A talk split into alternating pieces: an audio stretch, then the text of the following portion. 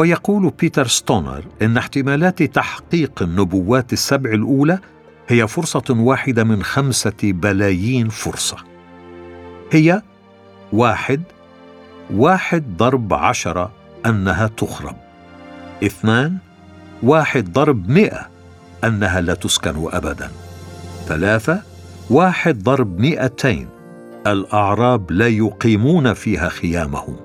أربعة واحد في أربعة أن الرعاة لا يرعون فيها.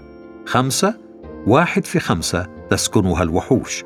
ستة واحد في مئة أحجارها لا تؤخذ لمبان أخرى.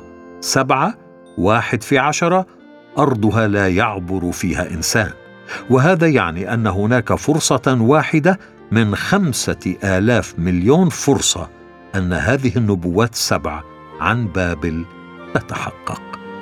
ونسوق هنا ملاحظتين بخصوص النبوات عن نينوى وبابل. أولهما عن أساليب الدفاع. لم يحدث أن وجدت وسيلة حربية للتغلب على الأسوار الضخمة إلا بعد الحرب العالمية الأولى بعد اختراع الطائرات والمدفعية الحديثة. ولكن لا توجد أسوار سميكة أو عالية ولا توجد خنادق عميقة تقدر أن تمنع عقاب الله. لا يستطيع البشر أن يتجاهلوا الله محتمين خلف سواتر مادية أو عقلية. والملاحظة الثانية هي عن احتمال سقوط مدينتين. لقد كانت هناك نواحي شبه بين نينوى وبابل كما كانت هناك نواحي اختلاف كأي مدينتين في العالم. فلو سألنا احدا اليوم هل تسقط نيويورك أو لوس أنجلوس؟ لما عرف. أو لقال إنهما لن تسقطا أو لاختار أحدهما فقط. لكن بابل ونينوى سقطتا ولم يسكنهما أحد منذ ذلك الوقت. بابل اربعه عشر ميلا مربعا. خنادق تحيط بها أسوار مزدوجة. ارتفاع السور ثلاثون طابقا وبعرض ثلاثين مترا. مئة بوابة نحاسية. أرض كافية للزراعة داخل الأسوار. بينما نينوى عرض الخندق خمسون مترا. ارتفاع برج الحراسة عشرون طابقا. ارتفاع السور عشرة طوابق. سماكته تكفي مرور ست سيارات أو ثلاث مركبات حربية معا.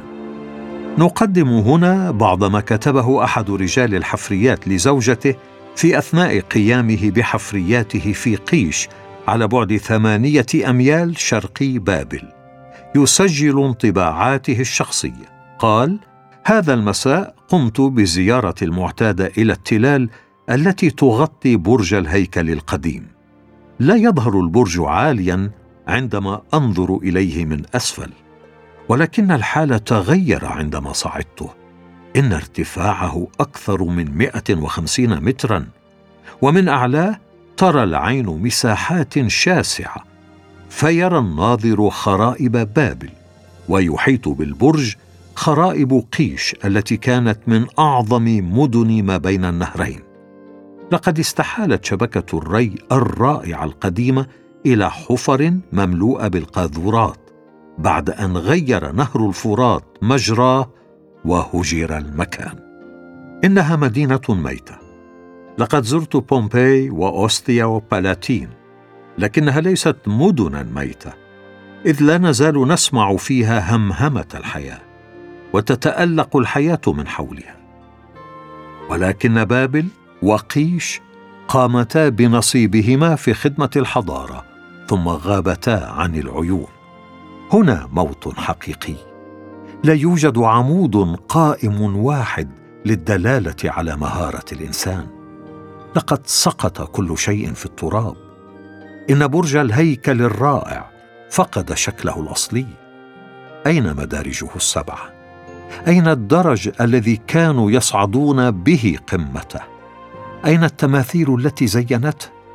ليس هناك إلا تلال التراب بقايا ملايين طوب البناء لكنها بلا شكل. وقد قام الزمن والإهمال بتكملة هدم ما بقي. وتحت قدمي حفر تسكن فيها بنات آوى والذئاب التي تهجر جحورها كل ليلة بحثا عن طعامها.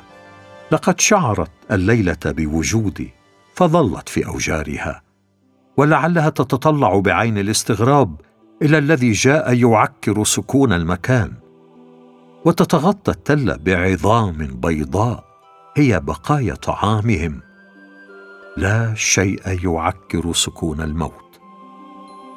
الآن ارتفع صوت ذئب جاوبت عليه الكلاب في القرى القريبة. فانتهى الصمت للحظات خاطفة. ولكن سؤالا يحيرني. لماذا اختفت مثل تلك المدينة الزاهرة عاصمة الإمبراطورية العظيمة؟ لماذا اختفت تماما؟ هل هي تحقيق لنبوة تقول إن الذئاب ستعوي في هياكلها هل كان ما عمله الناس في هذا المكان سبب هذا الخراب الذي جاء عليهم؟ أم هو مصير كل حضارة بشرية أن تنهار عندما تبلغ أوج عظمتها؟ ولعل ما نعمله نحن الآن من محاولة التنقيب عن أسرار الماضي. هو ما ستفعله أجيال قادمة تنقيبا عن تاريخنا وحضارتنا. عاشرا كرازين وبيت صيدا وكفرنحو. نقرأ في العهد الجديد عن أربع مدن كانت على شاطئ بحر الجليل هي كفرنحوم وكرازين وبيت صيدا وطبارية. اندثرت ثلاث منها وبقيت الرابعة وهذه هي النبوة عن المدن الثلاث المندثرة. متى؟ خمسين للميلاد الفصل الحادي عشر الأعداد عشرين واحد وعشرين اثنين وعشرين ثلاثة وعشرين أربعة وعشرين. حينئذ ابتدأ المسيح يوبخ المدن التي صنعت فيها أكثر قواته لأنها لم تتب. ويل لك يا كرازين ويل لك يا بيت صيدا لأنه لو صنعت في صور وصيدا القوات المصنوعة فيكما لتابتا قديما في المسوح والرماد. ولكن أقول لكم إن صور وصيدا تكون لهما حالة أكثر احتمالا يوم الدين مما لكما وأنت يا كفرنحوم المرتفعه إلى السماء ستهبطين إلى الهاوية. لأنه لو صنعت في سدوم القوات المصنوعة فيك لبقيت إلى اليوم. ولكن أقول لكم إن أرض سدوم تكون لها حالة أكثر احتمالا يوم الدين مما لك. ولا توضح هذه النبوات كيفية محددة لخراب هذه المدن ولكنها توضح الخراب الآتي عليها كلها. ويقدم لنا التاريخ قصة خاصة لهذه المدن الثلاث. تقول دائرة المعارف البريطانية عن كفرنحوم إنها مدينة قديمة على الشاطئ الشمالي الغربي لبحر الجليل. يقولون إن موقعها اليوم هو تل حوم ولم تمنع شهرتها قديما من اختفاء اسمها ومن الجدل حول موقعها. ويقول جورج ديفيس إن زلزالا دمر كفرنحوم عام أربعمائة للميلاد وهلكت كورازين وبيت صيدا معها في الوقت ذاته.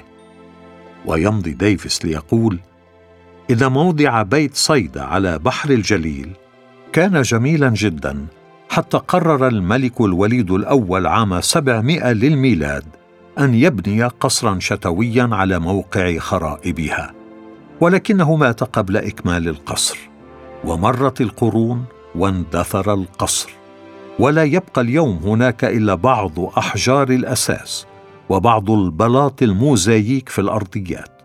وقد غطى رجال الآثار هذا البلاط بالرمل حتى لا يسرقه اللصوص ويضيع كل أثر لمكان القصر.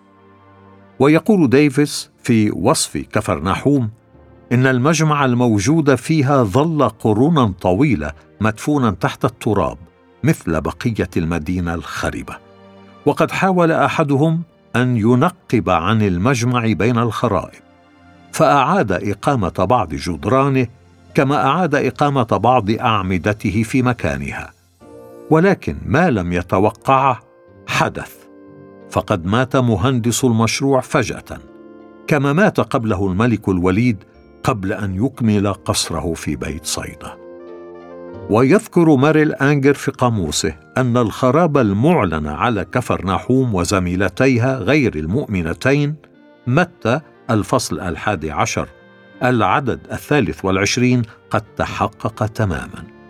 فإن تل حوم هو مجموعة من الخرائب مثل بيت صيدا وكورازين وقد وجد بكفر نحوم مجمع اكتشفوه بعد التنقيب يرجع للقرن الثالث الميلادي. ويعلق ديفيس على طباريه فيقول إن المسيح لم يقل كلمة واحدة ضد هذه المدينة وقد أخربت مرات عدة ولكن أعيد بناؤها في كل مرة ويقول في كل مرة زرنا فيها هذه المنطقة انذهلنا من تحقيق نبوة المسيح. لقد أخربت المدن الثلاث وبقيت طباريه قائمة طيلة تسعة عشر قرنا. حادي عشر اتساع أورشليم. إرميا من عام 626 إلى 586 قبل الميلاد. الفصل الواحد والثلاثين العدد الثامن والثلاثين والتاسع والثلاثين والأربعين. ها أيام تأتي يقول الرب وتبنى المدينة للرب من برج حنانئيل إلى باب الزاوية. ويخرج بعد خيط القياس مقابله على أكمة جارب ويستدير إلى جوعة. ويكون كل وادي الجثث والرماد وكل الحقول إلى وادي قدرون إلى زاوية باب الخيل شرقا قدسا للرب. لا تقلع ولا تهدم إلى الأبد. تبدو هذه النبوة غامضة حتى ترى الخريطة المرفقة لأورشليم. وما نقدمه هنا اقتباس من كتاب جورج ديفيس. يقدم إرميا علامات واضحة لنمو المدينة. وقد بقيت هذه العلامات قرونا طويلة إلى أن لا شاه اتساع المدينة الذي هو تحقيق للنبوة. وقد قدم النبي زكريا نبوة مشابهة. قال وتتحول الأرض كلها كالعربة من جبع إلى رمون جنوب أورشليم. وترتفع وتعمر في مكانها من باب بنيامين إلى مكان الباب الأول إلى باب الزوايا ومن برج حننئيل إلى معاصر الملك. زكريا الفصل الرابع عشر العدد العاشر. وسنحاول هنا أن نعطي الأسماء الحديثة مع الإشارة إلى الاسم القديم. كانت أورشليم كما يصفها إرميا إلى جنوب المدينة الحديثة وتظهر الخرائط الحديثة أن المدينة قد امتدت شمالا. الركن الشمالي الغربي في نواحي جامع عمر هو موضع برج حنانئيل. أما باب يافا الحلي فهو موقع باب الزاوية. أما المباني بين هذين الموقعين فقد بنيت قبل جيلنا الحاضر وبعد زمن إرميا. ولننتقل إلى أكمة جارب إلى الشمال الشرقي من باب الزاوية حيث توجد المساكن الروسية. وقد حدث الاتساع طبقا للنبوة. أما ملجأ شنالر وهو مدرسة ألمانية فهو في موقع تل جوعة وهي نهاية اتساع المدينة للشمال موقع أربعة على الخريطة حسب النبوة. ولو أن المدينة اتسعت ضواحيها في هذا الاتجاه بسبب وجود طريق يافا موقع ثلاثة على الخريطة. أما وادي الجثث فقد كان مقبرة من قبل موقع خمسة على الخريطة وهو المقصود في نبوة زكريا حيث إن معاصر الملك تقع إلى شمال هذا الوادي. وفي عام 1925 امتد سكن اليهود اليمنيين إلى هذا القسم. أما تل الرماد جنوب شرق جوعة الذي يتكلم عنه إرميا فقد اختفى بسبب المباني بين عامي 1900 و 1930 وكان رمادا فعلا ناتجا عن ذبائح الهيكل. ولما كان الرماد نافعا لإضافته لمواد عمل الطوب فقد اختفى تدريجيا. وهكذا تم الاتساع والسكن فيه موقع ستة على الخريطة. أما المواقع سبعة وثمانية وتسعة على الخريطة فقد كانت حقول وادي قدرون وقد امتد الاتساع إليها منذ عام 1931 وبعده. وقد اختفى باب الخيل شرق سور المدينة القديمة بسبب امتداد العمران ولكنه غير بعيد من باب الذهب.